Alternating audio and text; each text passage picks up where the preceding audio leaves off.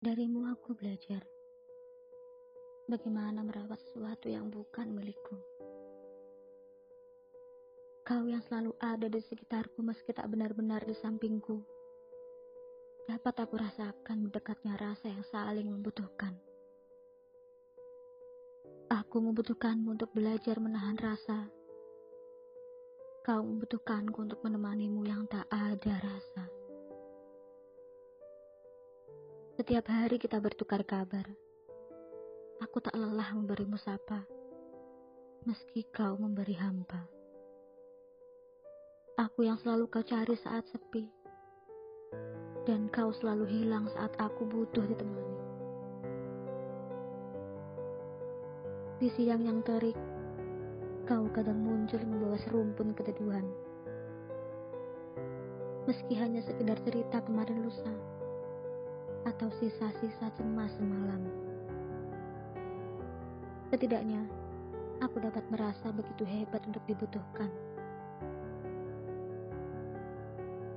Aku sering bertanya-tanya mana yang salah.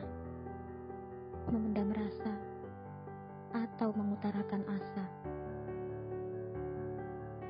Jika aku terus memendam, pastikan aku tak akan kehilanganmu. Karena aku memang tak akan pernah punya kesempatan untuk memiliki. Jika aku mengutarakan, Meski akhirnya aku dapat memilikimu, aku tetap takut jika suatu saat aku akan kehilanganmu. Namun yang paling menakutkan adalah jika aku mengutarakan, kau malah pergi dan menjauh. Aku akan kehilanganmu, padahal kau tak sempat kumiliki. Jadi darimu aku belajar Meski semakin aku memendam, ternyata rasa malas semakin besar. Namun, semua yang terkubur ternyata tak tentu mati. Menariknya, rasa itu tidak tumbuh menjadi harap yang tak dapat aku kuasai. Namun tumbuh menjadi sebuah pemahaman yang lebih bijaksana.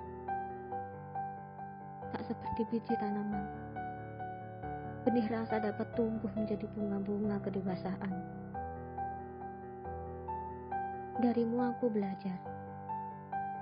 Aku rela merawatmu sebagai apa pun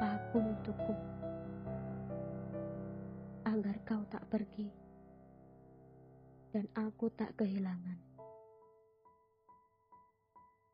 Meski kau bukan milikku, kau adalah sesuatu yang lebih dari sekedar seseorang.